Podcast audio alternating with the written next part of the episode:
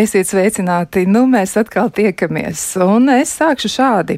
Ja kādreiz esat aizdomājušies, ko domā jūsu uzticamie draugi, proti, suņi, e, tad, ziniet, pētnieki ir noskaidrojuši, ka suņi atpazīst cilvēku emocijas. E, pētījuma laikā, kurš ir e, veikts Linkolas Universitātes un San Paulu Universitātes pētnieku vadībā un arī viņu līdzdalībā aktīvā, viņi ir analizējuši šie pētnieki suņu uztveru un reakcijas atpazīstot cilvēku emocijas un arī pētījuši šīs pašas reakcijas dzirdot un redzot cilvēku rīcību. Un ir noskaidrots, ka suņi uztverot saimnieku emocijas paši kļūst priecīgāki vai bēdīgāki, nevis tikai klātienes klausa komandām, rādot ierasto attieksmi, ko viņiem ir iemācījis cilvēks. Un, uh, Kaut arī liekas, ka pētījuma izlase nav pārāk liela, ja jau pētījumā ir izmantot 17 mājas suņi, tomēr tas ir pietiekami iespaidīgi, jo eh, suņiem tika rādīti fotoattēli, kuros redzams priecīgs vai dusmīgs cilvēks, kā arī suns, kurš izskatās rotaļīgs vai agresīvs, un arī suņiem tika atskaņots dažādas skaņas, draiskulīgi un agresīvi suņu rējieni, kā arī cilvēka balss, kas saukus nāca šurp, gan jautrā, gan arī dusmīgā tonī. Un secināts, ka vairums suņi ir skatījušies uz priecīgā cilvēka attēlu, kas varētu arī mm, atbilst atskaņotajai jautrajai suņu saukšanai. Un patiešām tā tas izskatās, ka arī ir, jo tas nav vienīgais pētījums, ir eh, vairāk šādu pētījumu veikti, bet, nu, Skaidrs ir viens, ka uh, suņi tomēr emocijas atpazīst, un arī viens no pētniekiem, Kungo no Linkolnas universitātes, uh, teica, ka pētījums vēst, ka sunim ir spēja saskatīt kopīgo starp diviem uzziņu avotiem, veidojot secinājumus par cilvēku emocionālo stāvokli. Un uh, šāda kognitīvā spēja iepriekš ir tikus novērot primātos, taču pārsvarā tas mm, ir novērots tieši cilvēkos un, nu, arī suņos. Tas nozīmē, ka suns ir radība, jeb dzīva būtne, kas spēj just emocijas, spēj atpazīt un spēj uz tām arī reaģēt palīdzēt. Nu, lūk, e, šodien arī par suņiem un vairāk runāsim arī par to, kā izturēties pret suni, lai neciestu suns, lai neciestu suņa e, psihe, suņa uzvedību un arī gal galā iespējams, lai neciestu cilvēks, kas arī mūs varētu šī te temata sakarībā interesēt. E, jā, atgādināšu, ka pie skaņu pults, nu, patiesībā pateikšu, pie skaņu pults ir Katrīna Bramberga un savukārt redzījuma producenti ir Loreta Bērziņa. Bet uzreiz arī par viesiem. Pie mums esam aicinājuši ierasties un piedalīties raidījumā Laini Kopču, kinoloģis, sveicināt! Labrīt! Un vēl esam aicinājuši piedalīties sarunā arī Litu Konopori, kur ir veterinārā ārstu biedrības mažo, mazo dzīvnieku veterinārā ārstu sekcijas pārstāvis. Sveicināt! Labrīt! Nu, lūk, e, bet varbūt mēs sāksim ar ierakstu, un šis tiešām varētu būt e, tiešām labs iesākums tā iemesla dēļ, ka man tā vien šķiet, ka vajadzētu iezīmēt to tematu tā ļoti, ļoti konkrēti, un tad arī mēģināt atrast e, atbildes uz tādiem ļoti konkrētiem jautājumiem. Tāpēc arī es pieteikšu ierakstu, ko ir sagatavojusi mana kolēģe Daina Zalman. Viņa ir tikusies ar patvērsmes labās mājas vadītāju Astrīdu Kārkaliņu, un vēl arī uzreiz piebildīšu, ka dzīvnieku patvērsme labās mājas atrodas Rīgā, Juglā, un šeit nonāk kaķi un suņi no visas Latvijas un dzīvo patvērsmē tieši tik ilgi, kamēr tiem tiek atrasti jauni un gādīgi saimnieki. Gādīgi saimnieki, man liekas, tas ir galvenais uzsvars, bet nu, klausāmies ierakstu. Kādi suņi pie jums nonāk? Vai bieži nonāk suņi, pēc kur uzvedības jau var spriest, ka viņi ir turēti pie ķēdes? Tā kā mēs esam Rīgā, Tad uh, Rīgā, protams, ir tie ir droši vien atsevišķi gadījumi, kad cilvēki tur vēl suņus ķēdē. Ap Rīgu, es domāju, ar stāvokli diezgan labs tā saucamais guļam uh, rajonos, jo tur arī cilvēki ir daudz maz jādomā izglītoti un, un saprot, kas ir vajadzīgs sunim. Bet mums daudz suņu nonāk arī no laukiem. Ļoti dažādi, gan citu dzīvnieku aizsardzības organizāciju lūgumi, kur viņi nokonstatē, ka tiešām absolūti nerūpējas, kad ir ķēdē piesietas suņi īsā ķēdē. Ir arī, kur teiksim, nomirst saimnieki vai pārceļās citām vietām un atstāja mierīgi suni piesietu ķēdē, kur vispār neviena cilvēka vairs nav. Un var konstatēt, ka viņi ir bijuši ķēdes suņi. Jo viņi savā dzīvē ļoti daudz ko nav iepazinuši. Viņi nezina, kas ir cilvēks, ko nozīmē roku pieskārieni. Nu, nerunāsim par to, ka viņi neprot iet pie pavadiņas, viņi neprot vispār komunicēt. Tā ir ārkārtīgi liela nežēlība pret suni, pret bara dzīvnieku, turēt viņu apstākļos, ka viņš netiek klāt pie sava bara. Jo aizsargāta māju ķēdes suns jau neaizsargā. Viņš tikai skrien pa to nabadzīgu savu teritoriju.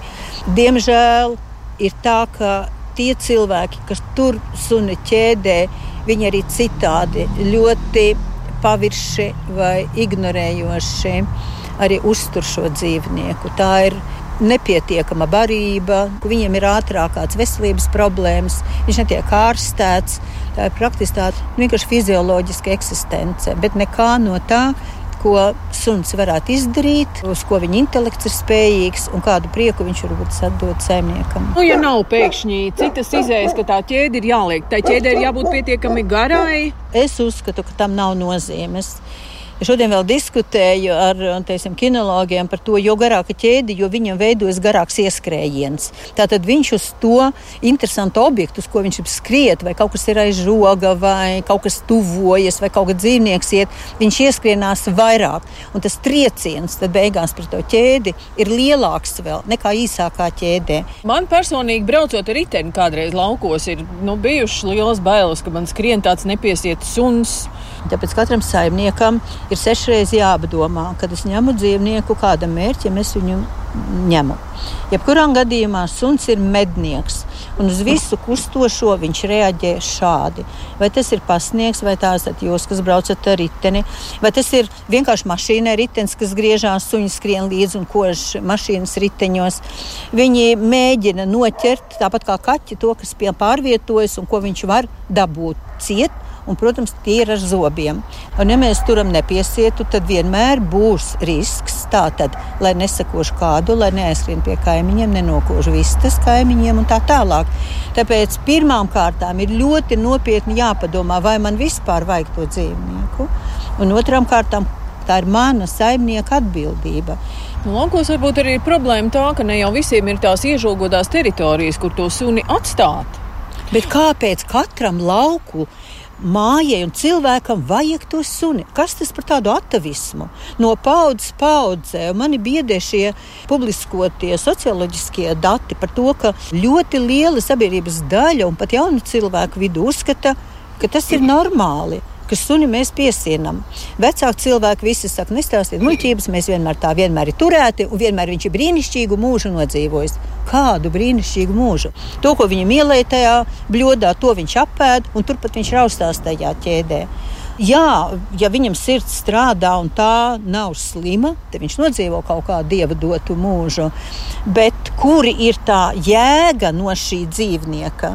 Es nesaprotu. Mēs te tagad esam pie voljēra, kur sunīši dzīvot.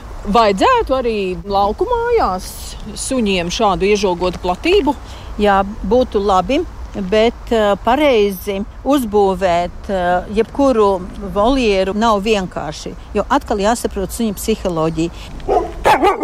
Es, Kāri, mieri, mieri, Ja jūs nenodarbosieties ar šo slodzes dzīvnieku, jūs tikai ieliksiet viņu sprostā, viņš tieši tāpat garlaikosies, pieņems, ka viņa dzīves modelis ir apriet jūs, tā kā šis suns, ka viņš neko citu neredz. Viņam nav citas dzīves, kā tikai redzēt kaut kāds kairinājums, kas kaut kur ir.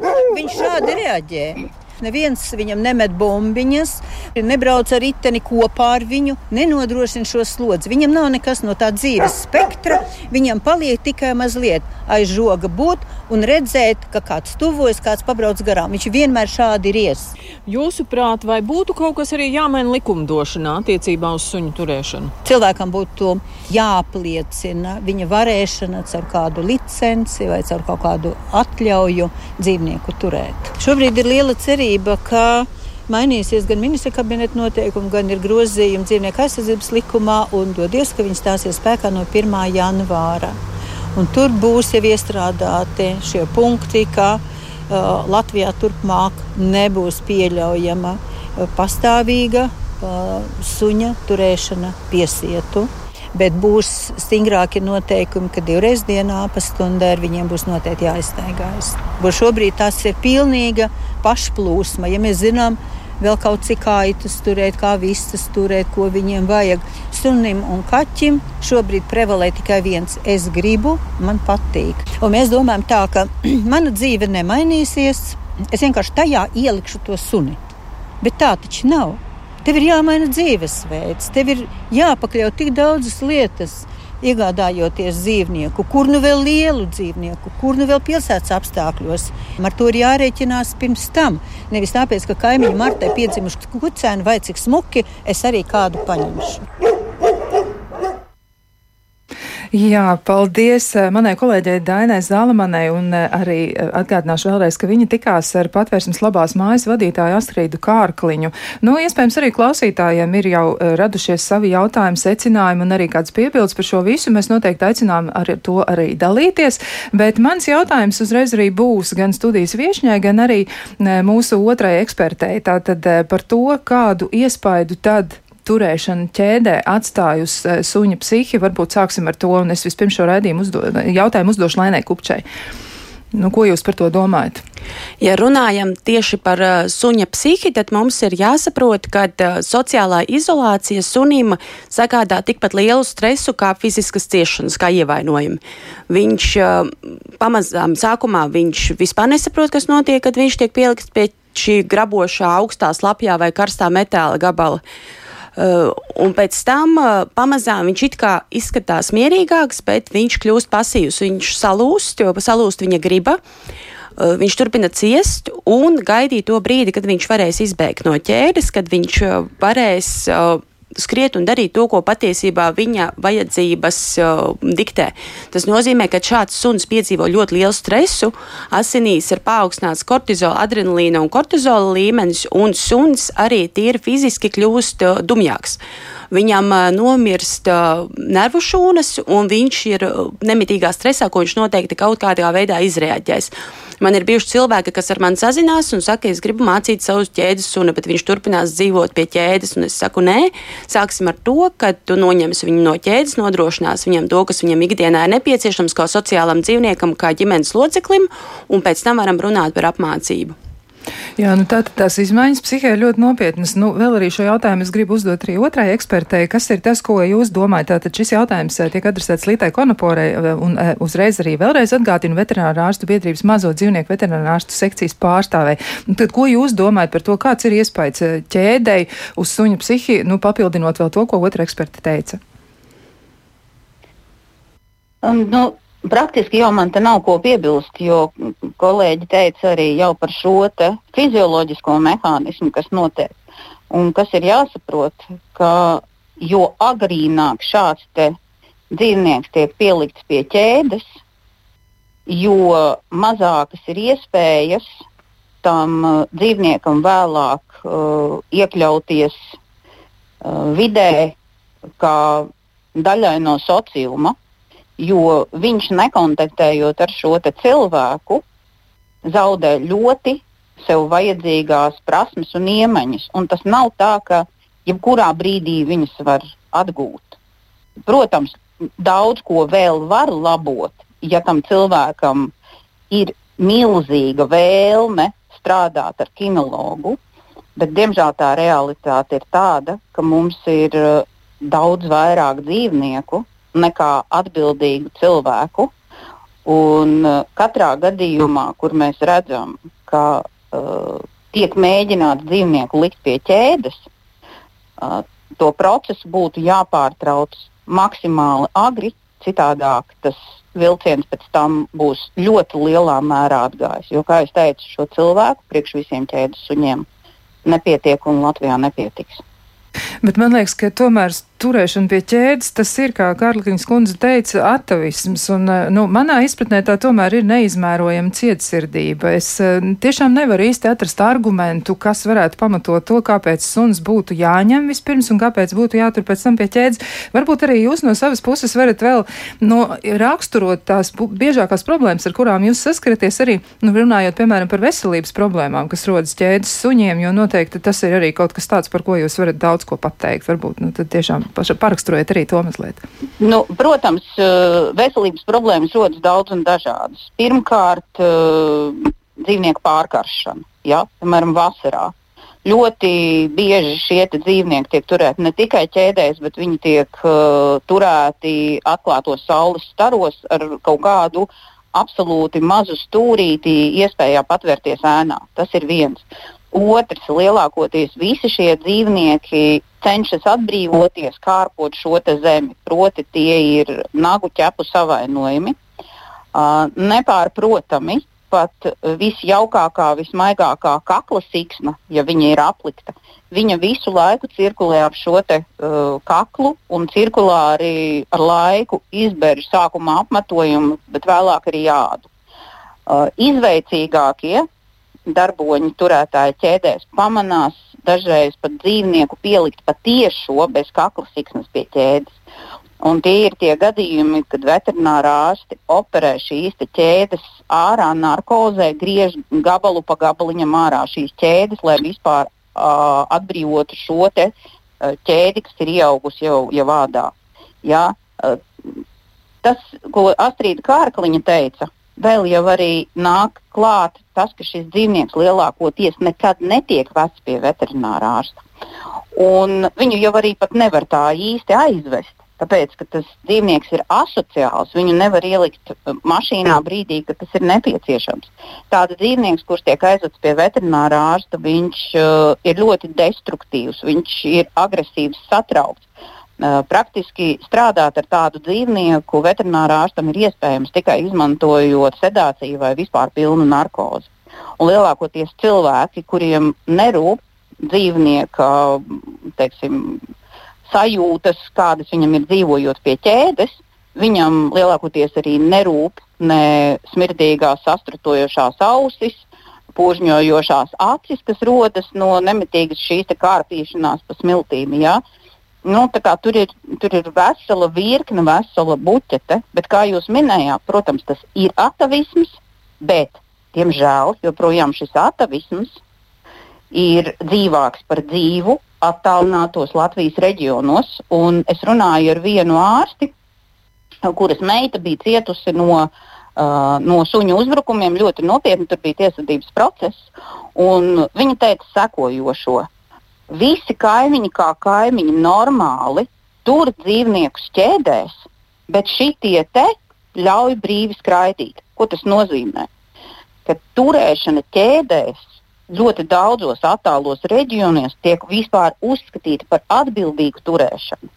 Un ka būs vesela daļa no sabiedrības, kura uh, iebildīs un dusmosies, jo viņi domās, ka tagad uh, dzīvnieki, kuri netiks turēti ķēdēs, viņi apkodīs viņu aitas, kas šobrīd jau notiek, kad viņi noraujās, ja? uh, uzbruks velosipēdistiem un tā tālāk. Tā kā, uh, ir jāsaprot, ka tas var pastāvēt tikai tas, kas ir sabiedrības galvās. Un, diemžēl daļa no šīs sabiedrības ir diezgan ar slimām galvām. Jo, piemēram, uzskatīt, ka suns pie ķēdes uh, uh, var sargāt teritoriju. Ne viņš nevar sargāt. Tāpat kā suns, kurš dzīvo visu dienu mājās, uh, viens pats, kamēr saimnieks aiziet uz darbu, arī nevar pasargāt savu saimnieku, kad viņam vārtrūmē uzbrūk bandīts. Tie, kas grib apzakt dzīvokli, ielaidīs šajā dzīvoklī gāzi. Tie, kas būs izdomājuši, ka viņi grib konkrēto lauku sētu apzakt, viņiem pilnīgi noteikti šis dzīvnieks pie ķēdes nebūs šķērslis. Jā, patiesi, te nu jāpiekrīt, un arī tie cilvēki, kas strādā vairāk ar tādām, nu, tā kā kriminālistikas lietām, varbūt nosauksim to tā, viņi saka, ka neviens suns, nu, tādu nopietnu ļaundari tomēr nav aizkavējis, jā, varbūt tas palīdz citos dienestos un, un citur, jā, nu, mēs arī varbūt varam ilustrēt mazliet, kur tas tiešām ļoti, ļoti labi strādā, bet tur jau būs šis atbildīgais cilvēks, kas suni vadīs un ļaus viņam strādāt profesionāli, un tas jau ir pilnīgi cits līmenis un cits stāsts. Bet eh, es arī Lainai Kupčai gribētu tomēr jautāt, nu, mēs par tām izmaiņām izmaiņām mazliet jau pieminējām. Jūs teicāt arī, ka notiek nopietnas izmaiņas arī tādā, nu, tā kā neiroloģiskajā līmenī suņa eh, smadzenēs. Nu, kas vēl ir tās, nu, tādas, tā kā, nu, sabrukuma pazīmes, jo būtībā suņa pielikšana pie ķēdes visticamāk nozīmē nolemt viņu lēnai iznīcībai vai, vai, vai pat ātrākai iznīcībai, nekā viņam būtu tie dabas dotie gadi. Kā jūs varētu to vēl ilustrēt, lai tomēr radītu cilvēkiem šo priekšstatu par to, ka šis nav normāls veids, kā apieties ar dzīvnieku? Pirmkārt, jau tas lielais stress tajā brīdī, kad uh, suni pieliek pie ķēdes. Neviens suns nepiedzimst pat ar sajūtu, kas ir normāli iet pie pavadas. Viņi nezina, kas ir kakla siksna, viņi uh, nezina, kas ir krūtis krūšu siksna, un viņiem tas ir jāmācās. Bet tad, kad viņu vienkārši piekar pie metāla gabala, sākumā viņš cīnās, visi suņi cīnās. Nu, ir tie, kas ir bailīgāki, viņi apsēžās, noguļās, kaut kur paslēpjās, pamazām tomēr sāk it kā dzīvot. ir dzirdēts tas uh, pieņēmums, ka redzi, viņš jau pierada. Viņš pat ostās, viņš tur, viņam tur ir sava dzīve, viņš rok bedrīti, viss ir forši. Tā nav. Tas, tas ir dzīvnieks, kas ir tentēts uz izdzīvošanu. Viņš saprot, ka viņam nav cerību, nav izējas, viņam nav normālas dzīves, bet viņam šeit ir jādzīvo. Pat cilvēki uh, cietuma kamerā izstrādā savus mehānismus, kā viņi izdzīvos. Un suns dara to pašu. Viņš ir tentēts izdzīvot, nevis nomirt pie ķēdes. Nu, Iespējams, pat ir kāds, kurš tik smagi cieš, ka viņš ātri saslimst un arī nomirst. Bet uh, viņš it kā izstrādā tos savus mehānismus, un tajā brīdī, kad viņš tiek vaļā, tad ir panika. Viņš vai nu mūk, vai nu rauj pavadu pa gaisu. Arī dzirdēts cilvēks saka, es gribu savu ķēdes suni normāli pastaigāties, es viņu pielieku pie pavadas, kāpēc viņš rauj iemāciet, man viņam iemācīt neraut.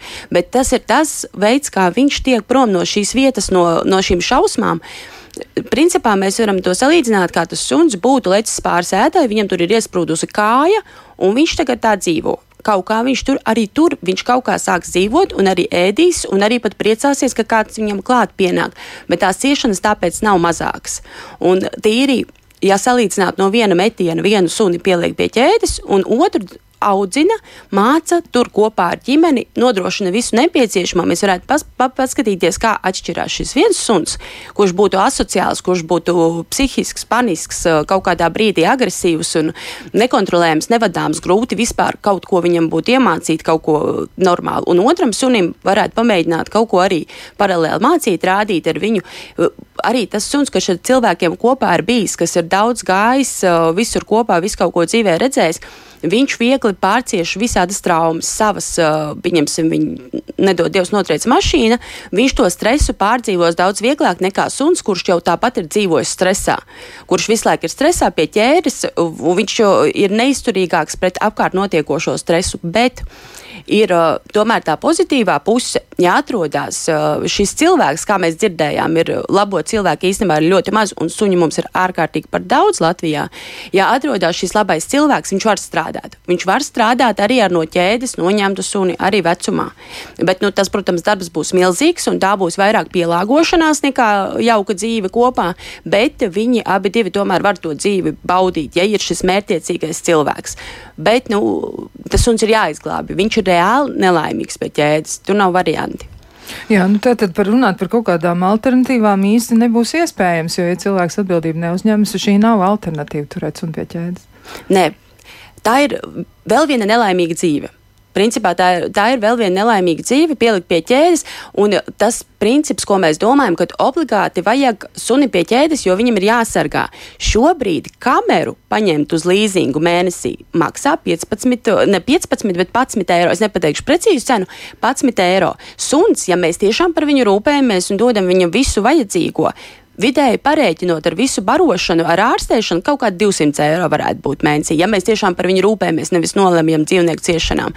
Tātad paņemt kameru, kas mums paziņos uz telefona, ka tavā pagalmā šobrīd ir cilvēks, reāli viņas kameras uztver cilvēku siluetu, būs lētāk nekā paņemt dzīvnieku ciešanām pie ķēdes. Jā, nu te arī ir viens no klausītāju komentāriem. Nu, man liekas, ka tas ir viedoklis, kas ir tāds, nu, es tomēr atļaušos teikt, ka tur ir tāda atavistiska iezīme e, samanāma, jā, bet, nu, es nolasīšu šo komentāru un tad arī varbūt mēs varam par to mazliet parunāt. Tātad e, viens no klausītājiem rakstā, e, laukos suņiem ir jābūt pie ķēdes ar izsaukuma zīmes. Suns sargā māju un saimnieku no svešiem. Un kā tā tad rejot ziņo aizsargājot kožu un katru gadu ir sakosti pasnieki, jo suņi viņiem uzbruk. Klaiņojošie suņi nodara kaitējumu meža dzīvniekiem, medniekiem ir tiesības tos nošaut, un arī pilsētās suņiem ir jābūt pie saites un uzpurņos, un tos redz retējiem. Cilvēks ir pirmajā vietā, suņi pēc tam. Nezinu, no kurienes nāk šī ideja par to, ka cilvēks ir pirmajā vietā un suņi pēc tam. Man liekas, ka cilvēks principā tajā visā ķēdē ir parādījies stipri vēlu. Suns bija ilgi pirms viņa. Jā, es gribētu teikt, ka pati ideja šajā komentārā ir, jā, vēl viena problēma ar ļoti pareizi iezīmēta. Suņi nedrīkst klīst un kost dzīvniekus, nedrīkst kost pasniekus un cilvēkus. Tā ir taisnība. Uh, uzpuņos nav jābūt visiem suņiem, uzpuņos, uzpuņos ir jābūt bīstamiem suņiem, bet jā, savs suns ir jāpieskata. Tas nenozīmē, ka mēs tagad noņemam ķēdes, visi suņi ir laimīgi, skrien un kož. Tas ir pilnīgi nepareizi. Suņiem ir jābūt pieskatītiem, cilvēkam ir jānolemj priekš sevis, es pieskatīšu savu suni, es veltīšu laiku, es ar viņu nodarbošos, un brīdī, kad es viņu nepieskatīšu, viņam būs sava telpa, kurā es viņu ielikšu, vai voljērs, ja tas ir neilgs laiks, ielikšu voljērā, ielikšu mājās, būs tā istaba, kas viņam pielāgota tīri, jā, viņš nedrīkst nodarīt pāri sabiedrībai, bet uh, mēs nedrīkstam arī teikt, ka tagad nu, visi suņi ir jāpieliek pie ķēdes, lai visi cilvēki būtu droši. Mēs esam cilvēki, mēs esam gudrāki, mums ir jāizvērtē plusi un mīnus, nevis vienkārši jāiegrūž dzīvnieks nelaimē tikai tāpēc, lai mēs būtu drošībā. Nu, tas ir par atbildības neuzņemšanos. Es netaisīšu sētu, es suni nemācīšu, es ar viņu nestrādāšu, es viņu vienkārši piesiešu un likšu sunim uzņemties atbildību par to, ka tad, ja viņš notrūks no tās ķēdes, tad viņš būs vainīgs, jo viņš jau sakodīs. Ja? Es nedarīšu neko, bet suns, suns tā tad uzņemsies visu atbildību. Diezgan absurds eh, pieņēmums. Bet eh, nu, tad arī klausītāji jautājums, kāds ir risinājums? Skaidrs, ka laist suni uz ceļu un citiem īpašumiem nedrīkst. Jā, bet eh, žoks ap teritoriju ir risinājums, bet tas taču arī ierobežo suņa dabisko brīvības instinktu. Nu, tā vēl viens komentārs ja, par šo, un tad nu tad eh, pēc tam mm, mazliet mums būs jāatpušās, un tad mēģināsim ar citiem komentāriem arī nu, virzīties uz priekšu, bet tieši par šo vēl varbūt es varu arī eh, Laini Kupču nu, aicināt atbildēt uz šo jautājumu, ja tad eh, suņa dabisko brīvību diezinu vai žoks un pietiekam teritoriju ierobežot, cik jūs piedāvātu, nu, kā jūs piedāvātu to skatīties, cik lielai teritorijai ir jābūt? Arī suņi pilsētās var brīnišķīgi baudīt brīvību. Pat paši enerģiskākie suņi, es dienestā esmu strādājusi, var mājās atpūsties, ikdienā būt brīvībā, strādāt, nodarboties. Ja viņi to ir saņēmuši pietiekamā daudzumā, viņi nav ierobežoti uh, saņemt to savu brīvību un skrējienu. Jā, ir noteikti šķirnes kā haskijs, kurš tiešām vienmēr ļoti grib arvien vairāk brīvību. Ar šādiem suņiem jāskrien, jādodas uh, sportot tā, kā viņiem ir nepieciešams, jāsniedz viņiem šo brīvības devu jo viņiem arī ir nepieciešama deva kopā ar cilvēku. Deva kopā nomierinošām darbībām, rakšanai, graušanai, ostīšanai, jaunumu pētīšanai. Kad suns ir saņēmis visu nepieciešamo, viņš ļoti labi pieaudzis suns var stundām ilgi atpūsties. Bet uh, ir suņi, kam tas šis miers ir jāiemācās, un to nevajag domāt, ka viņš ir saņēmis kaut ko par maz. Ir citi suņi, kas vienkārši nemāk nomierināties, viņi ir jāiemāc nomierināties. Bet teikt, ka sunim obligāti vajag hektāru zemes, kurā visu laiku vienam pašam skriet, nē, Nē, sunim vajag sabalansētu intelektuālo, emocionālo un fizisko slotu sabalansētu. Viņam ir jākustina arī prāts, jākustina ostīšana, jāveic šīs nomierinošās darbības, ko es jau minēju, rakšana, ostīšana, graušana, vārtīšanās, jaunumu pētīšana, un pēc tam viņš var atpūsties arī diezgan mazās telpās. Jā, nu te vēl tādi komentāri daži, par kuriem mēs parunāsim nu, mazliet vēlāk, bet šis ir tas mirklis, kad mēs varam nedaudz atvilkt telpu, un tad jau satiksimies atkal pēc brīža, lai turpinātu šo sarunu. Kā labāk dzīvot? Turpinām sarunu par to, kā veidot attiecības cilvēkam un sunim. Un mēs vismaz pagaidām, nu šķiet, ka virzāmies tomēr uz secinājumu, ka suni turēt pie ķēdes laikam nebūs labākais risinājums, un tas tomēr bieži vien ir cietsirdības akts pret dzīvnieku, lai neteiktu, ka praktiski tomēr visos simt procentos būs ļoti, ļoti nopietnas un negatīvas sekas. Bet klausītājiem arī ir daži savi secinājumi par šo te visu. Nu, mums ir arī viens tāds komentārs, kas ir tāds, nu, ļoti ironisks teiktu, jā, vai cilvēkam arī ir tiesības dzīvot bez stresa no suņu uzbrukumiem, pēkšņas noriešanas, ja tiesības šķiet ir suņiem, kaķiem, tikai ne cilvēkiem. Cilvēkiem būtu jādzīvo ar būri apkārt, lai sunīši dara, ko vēlas. Nu, šeit laikam man nebūs tik viegli piekrist šim apgalvojumam, jā, man liekas, tas atkal ir par atbildību. E, varbūt es varētu aicināt arī e, šajā brīdī Lītu Konopori komentēt, nu kā tad tas ir. Jā, šo atbildības uzņemšanos, ja, jo e, nu, mēs arī secinājām, jau iepriekš sarunā, tad bija otrs eksperts komentārs par to, ka nu, nevajag bezgalīgi daudz telpas, ja, bet nu, kaut kādas tādas elementāras lietas nodrošināt noteikti var. Ja, tad, e, kā tad ar to e, pārējo visu, ja, nu, kā, kā mēs varam tomēr būt droši par to, ka mēs varam sunim piedāvāt labus apstākļus, kas būtu jādara, kur jūs saskatāt varbūt to lielāko problēmu, ja, jo nu, cilvēks saka, jā, man ir aita citas, tur man ir viss, man ir vēl kaut kas, bet kur tas sākas? Kur tas sākas ātrāk? Kur būtu tas mirklis, kur cilvēkam būtu jāpadomā par to, ko tad es daru? Ņemu suni, neņemu. Kāds jautājums varbūt būtu jāuzdod vispirms? Kā jums liekas? Um, redziet, um, uh, lasot tos komentārus, kurus jūs lasat, uh, lielākā daļa viņi būs šādi ironiski un atavistiski. Un tas parāda to, ka uh, pilnīgi bezcerīgi ir uh, sagaidīt, ka šie cilvēki mainīs savu domāšanu savu mūžu laikā. Tas nebūs iespējams. Uh, mums ir jādomā par to, kā maksimāli padarīt nepieejamus uh, suņus, kaķus šādi domājošiem cilvēkiem. Un te mums ir ļoti nopietni jāstrādā. Mēs strādājam pie jauniem ministra kabineta noteikumiem attiecībā uz tirzniecību, uz sludinājumiem, lai ierobežotu pieejamību, piedāvājumu. Jāatzīst, arī patversmēm ir daudz kritiskāk jāskatās uz to, kam viņi nodod adopcijā dzīvniekus, It sevišķi, ja dzīvnieki jau ir dzīvojuši pie ķēdēm, ja viņi ir izrādījuši agresiju, vai viņiem ir bijušas citas uh, uzvedības problēmas, kā košana, klaiņošana. Jā, tur jābūt ļoti kritiskiem, lai atkārtoti dotu adopcijā šos dzīvniekus. Proti, jārisina nepieejamības jautājums. Tas ir viens. Otrs, runājot par vēlmi, tai vēlmei ir jānāk no šī cilvēka. Viņu nekādā veidā mākslīgi šajā cilvēkā ielikt nevar.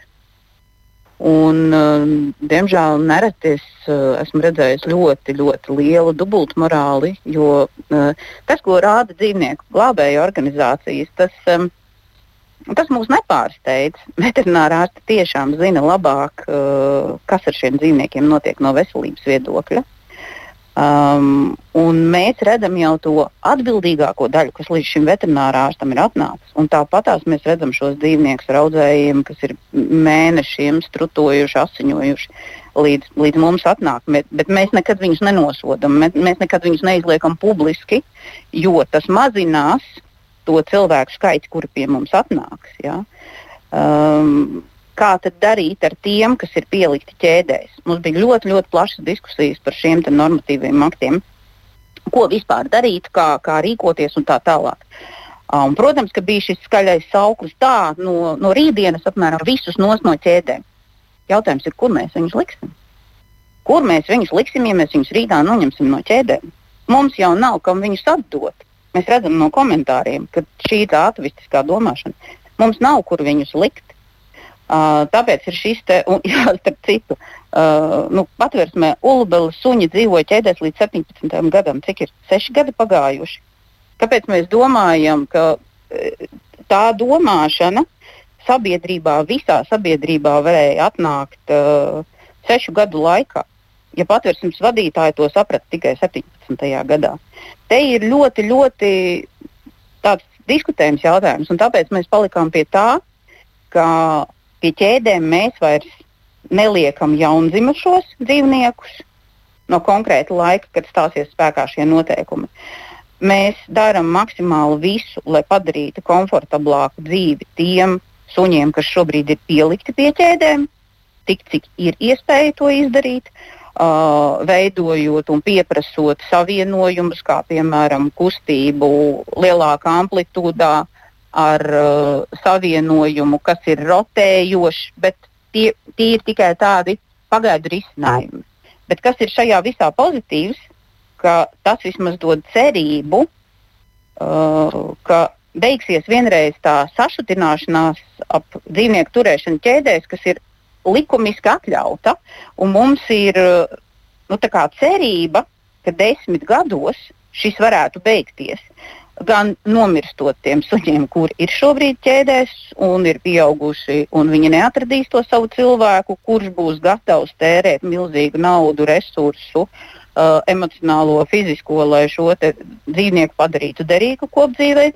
Gan arī otrs, gluži vienkārši nomirs šie atavistiski domājošie cilvēki un nāks viņu vietā uh, jauna paudze, kur šajā sunīs saskatīs uh, partneri, un nevis rīku savu e, iegribu apmierināšanai. Jā, nu skarbi. Mums ir kāds klausītājs zvans. Mēs jūs klausīsim, mēs jūs klausāmies, dzirdam. Lūdzu. Labrīt. Nu, es piekrītu tiešām, un es ļoti mīlu sunīšus un man arī sunīti. Un mēs ar viņu ļoti labi sadzīvojam. Bet sakiet lūdzu, cik tālu mēs iesim ar citiem dzīvniekiem.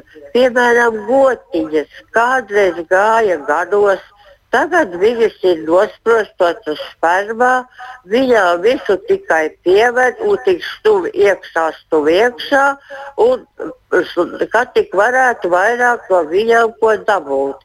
Tas pats ir ar cūciņām. Un, nu, pārējiem tādiem nožogotiem dzīvniekiem, kuriem arī gribētos brīvību. Jā, paldies par šo te piezīmi un par šo komentāru, jo tas jau nav tikai tiešām par uh, suņiem vien, tas droši vien ir tāds plašāks jautājums. Uh, varbūt uh, Laina Kupča varētu komentēt šo te komentāru, jo nu, tiešām ir Nu, tas ir par filozofiju, tas ir par mūsu attieksmi kopumā pret dzīvo dabu, jo mēs izskatās, ka sākam kļūt par tādiem nu, nesātīgiem lietotājiem. Un ja mums attieksme būs pret visu dzīvo radību, ka tie ir visi dzīvnieki vai, vai jebkas, kas ir uz zemeslodes, ka tas ir mūsu lietošanai, mēs esam izmantotāji, man liekas, ka mēs varam aiziet galīgi ne tur. Es domāju, ka sabiedrība šobrīd dalās, jo ir tā daļa, jā, kas e, pārvēršas vēl lielākos lietotājos un, un neņem vērā dzīvniekus pēc viņu vajadzībām, pēc tā, kā viņi dzīvot brīvībā, pēc tā, kā viņiem būtu tā kvalitie, klavi, kvalitatīvā dzīve. Bet ir tā sabiedrības daļa, kas tomēr interesējās par to, kas patiešām šai sugai kā govs vai kā cūka. Un tas pats suns, kas tiešām ir vajadzīgs, ņemot vērā pētījumus, ņemot vērā ķermeņa valodu, konkrēto suni. Uh, pieņemsim, tā pati apmācība šobrīd attīstās, uh, ņemot vērā tieši suņa vajadzības. Uh, nevis, kā daudz domā, pozitīvā apmācība, kas ir tā jaunākā apmācība. Pozitīvā apmācība nozīmē, ka viņi auklē suni, mīļo suni, un cilvēks tagad ir nekas. Kā tur bija minēts, cilvēks dzīvo būrī un suns dara, ko grib. Tā nav sniedz, šī apmācība sniedz sunim to, kas tiešām sunim kā sunim ir vajadzīgs. Konkrēti, un viņš kļūst mierīgāks, sociālāks un, un daudz adekvātāks. Un tur noteikti nav ne ķēdes, ne iežogojumi, ne elektrosētas, elektrošoki. Tas, tā, visa, tā visai būtu jābūt pagātnē. Jā, vēl klausītājs saka tā, ka vajadzētu sākt ar to, ka katram, kas iegādājas suni, obligāts nosacījums to ir arī apmācīt. Un Latvijā ir ļoti daudz agresīvu suņu, kas ir gan ķēdes sekas, gan arī neaudzināšanas sekas. Ja, nu, tātad divējādi mēs varētu uz to raudzīties. Tiešām tāds varētu būt. Un vēl arī ir tāda piezīme, ka tās asmies normālajās ārzemēs visiem suņiem ir jāiet suņu skolā. Īpašniekam ir jāaiziet komisija, vai viņam suni var uzticēt, ja, un viņš arī atsauc uz, uz citu raidījumu, ja, kas vairāk ir tieši veltīts dzīvnieku labturības jautājumiem. Un, un tā, tā tiešām arī ir šāda prakse tiek izmantota. Un vēl viens no klausītājiem arī atzīmē, ka, nu, piemēram, Salaspils pagastā arī min konkrētu vietu Jauncekulē, un tas varētu arī interesēt varbūt likumsargus un būtu vērts tam uzmest aci, ja vienā zemes vienībā ir parādījušies voljeru un īpašnieks šķietam ir uzsācis suņa audzēšanas biznesu. E, šī ir vasarnīcas teritorija un e, Nu, neviena no, no šīm mazākām nav nodota eksploatācijai. Tātad, nu, laikam, nevajadzētu īsti turpat būt e, suņiem. Jā, šobrīd un ikdienā apkaimē pieskaidina suņu rejas, un pēc konteksta liekas, ka tie ir dažādi vecumi, ja tā kā klausoties, un kā tad rīkoties, lai pasargātu šos suņus un saukt īpašnieku pie atbildības. Un ikdienā saimnieku uz vietas nedzīvo, bet suņi vismaz e, trīs voljēros atrodas. Tad kāda ir tā likumiskā prakse, kas ir tas, ko cilvēki var darīt? Jo šis nav vienīgais komentārs par to, e, kur cilvēki gribētu rīkoties. E, jo vēl viena, viena mm, klausītāja raksta viņai šāds komentārs. Manas mammas kaimiņu mājā tika paņemti divi patvērsmes suņi, tie tika pielikt pie ķēdes, pirmos mēnešus nepārtraukti rēja un tagad ir kļuvuši mierīgāki. Nu, tā kā e, mēs pirms e, šīs te radio sarunas mēs runājām arī ar ekspertēm un e, viena no viņām teica, ka suns vienkārši ir kļuvis bezpalīdzīgs un droši vien ir vienkārši nogurs un izmisis ir. Un pašvaldības pārstāvis savukārt pēc sūdzības saņemšanas bija aprunāties ar suņu saimnieku, kas atbildēs, ka katru dienu ejot pastaigāties ar suņiem, un e, vai tā ir, neviens to nepārbauda, un lieta ir izbeigta. Ja? Nu, tad kur var lietot par šā, ziņot par šādām situācijām, un kādas ir iespējas glābt šādus suņus? Nu, tad par to likumisko pusi es tomēr aicināšu izteikties. Ja? Ko tad var ar to darīt? E, nu, varbūt e, mēs varam jautāt arī vispirms Litai Konoporai, kas ir tas, ko viņa domā, un tad arī noteikti varbūt Lēnai Kupčai ir ko piebilst. Tātad tā likumiskā puse ir tāda, ka par dzīvnieku labturības uh, pārbaudi atbild pārtiks un veterinārais dienests. Tā tad jāziņo pārtiks un veterinārajam dienestam. Uh, priekš tā ir arī anonīmais tālrunis. Protams, cilvēks, ja viņš vēlas saņemt atbildi un uzzināt, kas ir ar šo procesu, viņam ir jāatklāj pārtiks un veterinārajam dienestam uh, savi personas dati, proti, vārds, uzvārds, un uh, jānoformē ir vēstule atbilstoši tā, kā to paredz likums. Tad šī persona saņems arī atbildi precīzi par to, kas konkrētajā lietā ir izdarīts. Bet var ziņot arī anonīmi. Otrs risinājums ir ziņot pašvaldības policijai, jo pašvaldības policija ir atbildīga par uzraudzību attiecībā uz suņu reģistrāciju vienotajā reģistrā. Arī par turēšanu, un arī pārtiks veterinārajam dienestam arī var ziņot, ja ir aizdomas par teiksim, nereģistrēšanu. Uh, un, protams, tajos gadījumos, kad mēs redzam, ka dzīvniekam tiek nodarīti kaut kādi miesas bojājumi, uzbrukums, sišana, spīdzināšana, iespējams, ir aizdomas, uh, tad ir jāzvana valsts policijai. Un jau tuvākajā laikā būs grozījumi likumā, kas ir tīri tehniski, uh, bet Uh, nu, tehniski tādā ziņā, ka man būs grūti klausītājiem izskaidrot visas nianses, bet tas nozīmē to, ka, uh, ja valsts policija šobrīd var atbraukt un tikai fiksēt faktus, tad pēc šīm likuma izmaiņām valsts policija varēs arī uzsākt šo lietu. Uzreiz ierosināt arī kriminālu procesu, ja viņiem uh, būs tāda nepieciešamība. Tas ir tā, tāds jauninājums, kuram vajadzētu stāties spēkā tuvākajā laikā. Uh, kāpēc es vispār ļoti bieži cilvēks aicinu ziņot uz 112?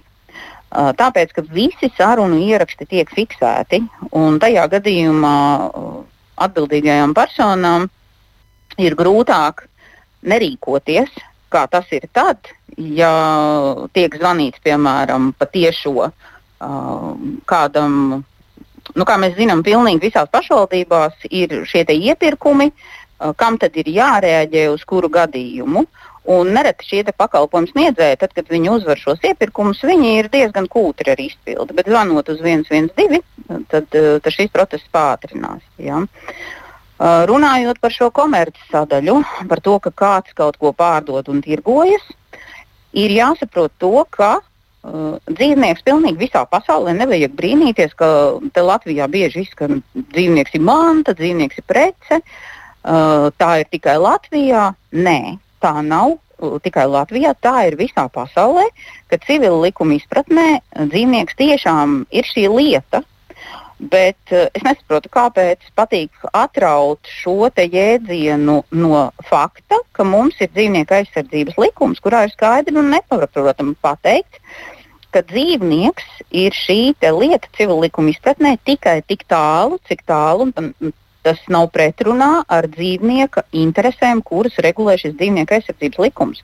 Un tur ir skaidri un gaiši pateikts, ka dzīvnieks ir dzīva būtne, ka pret viņu tieši tā arī ir jāizturās. Tāpēc uh, nu, pret, pret dzīvnieku ir jāizturās tā kā pret dzīvu būtni. Ja mēs runājam par šo komerci, paturpinot, ja, uh, visā pasaulē dzīvnieku spērku un pārdod, un visā pasaulē arī ar dzīvniekiem uh, pelna Tas ir vienkārši fakts, un es teiktu, ka Latvijā daudzajādā ziņā mēs pat esam uh, labā, labā ziņā atpalikuši ar šo komerciju, jo, kā es saku, tā saucamās atstrādātās kuces, atstrādātās kaķenes, uh, kuras, kad viņas beidz būt izdevīgas saimniekam, lielākoties tomēr audzētāji patur mūža mājās uh, aiz cīņas pret šo dzīvnieku.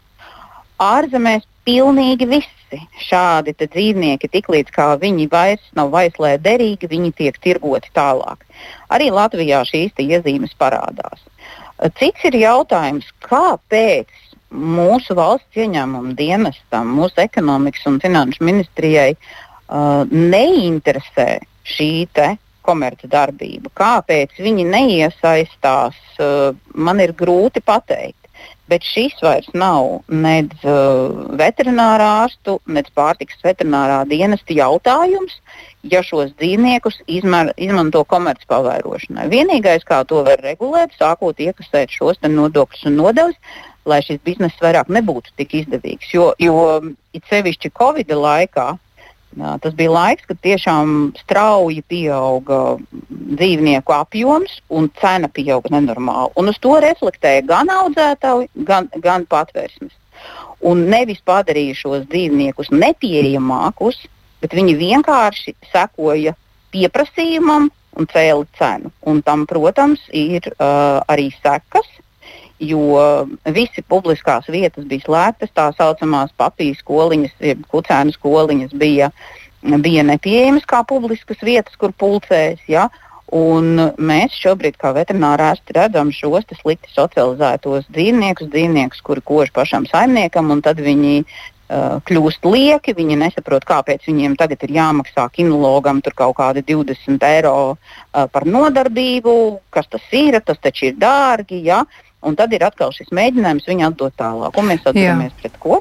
Jā, Jā nu, tas mēs ir. Atduramies pret Atkal tas pats par saimnieku atbildību, bet, nu, tuvojoties sarunas noslēgumam, mums tiešām ir ļoti daudz komentāru no cilvēkiem, kas, un no klausītājiem, kuri saka, ka vienlīdz viņus uztrauc gan suns, kurš ir nepieskatīts un kurš eh, skrien savā vaļā, un cilvēki ir sakost savu laiku, viņi no tā baidās, un, un tad viņi ir nobežījušies par to, vai šis suns tiek pieskatīts. Ir arī tie, kas ir noraizējušies par to, ka suns ir pielikts pie ķēdes, un viņiem tieši tāpat sāp sirds, redzot, kā dzīvnieks cieši un lēnām mirst.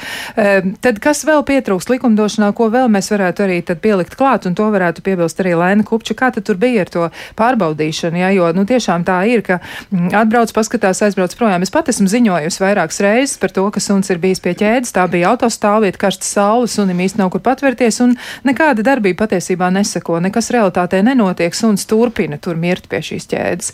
Tad, eh, kas ir jūsuprāt papildinājums, kuram būtu jāparādās, jo arī šobrīd, tulkojot šo te mm, likumu, kas regulē e, cilvēku attiecības ar suni, tur ir ļoti daudz pretrunu un nepilnību. Tiešām es to arī varu atzīt kā likuma lietotājs, ja es, es arī varu piekrist tai klausītāji daļai, kur saka, ka šis likums nav pilnīgs un nenodrošina ne dzīvnieku, ne arī cilvēku tiesības līdz galam. Ko jūs vēl pieliktu klāt no savas puses? Ja mēs runājam tieši par likumu, tad šobrīd būtu tā tieši viņa izpildīšana jāuzlabo, jo ir runa par uh, jau tiem noteikumiem, kuri nemaz nav tik slikti.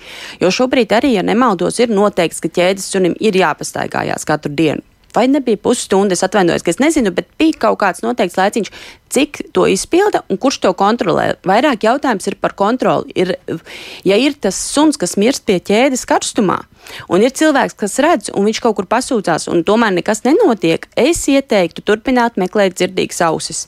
Ja, tu, ja cilvēks šobrīd, ko viņš var darīt, ir censties turpināt runāt, turpināt meklēt, kaut vai aiziet pie priekšniecības noteiktajai vietai. Ja viņiem arī ir vienalga, kaut vai sociālajos tīklos rakstīt. Reizēm ir tā, ka cilvēki uh, sagrupējās, dodas un šo problēmu atrisina. Kāds zina kādam, kuram vēl pateikt, kurš ko zina, atkal tālāk izdarīt. Kuram jau ir bijusi līdzīga problēma šajā vietā, pieņemsim, kaimiņos, un, un viņi var pateikt, kā viņi šeit tika galā. Mēģināt atrisināt, turpināt meklēt tās dzirdīgās ausis un palīdzēt tam konkrētajam dzīvniekam konkrētajā vietā. Jo pašvaldības arī atšķirās. Tās konkrētās vietas tur ir entuziasti, kas iet un paši risina uh, suņa problēmas, kucēnu problēmas. Zinu, kad uh, blakus kuce visu laiku dzemdē, kas pilnīgi pilnīgi nav atļauts it kā pēc likuma, bet tas notiek, un, un viņa nav ne čipēta, ne potēta pati, un kur nu vēl tie kucēni, kur tie kucēni tālāk tiek doti. Nekas, ir tas entuziasts, kas iet un atrisina šo problēmu, kaut vai piedāvā sterilizēt viņu. Turpināt meklēt tās dzirdīgās ausis. Jā, nu pie tā mums arī jāpaliek šoreiz. Izskatās, ka mums būs vēl tā saruna jāturpina un jāturpina rūpēties gan par savu drošību, gan arī par dzīvnieku drošību. Un suns pie ķēdes tas noteikti nebūs risinājums. Tas ir skaidrs, ka šāda situācija nav normāla un būtu jāmēģina darīt viss, lai neviens suns neciest. Un, protams, arī jārūpēs par cilvēku drošību. Šajā brīdī saku paldies gan Lēnai Kupčai, kinoloģijai un arī Litai Konupai Singapūrē veterinārārstu biedrības mazo dzīvnieku veterinārārstu sekcijas pārstāvei. Savukārt klausītājiem novēlu, lai e, izdodas piedzīvot jauku dienu.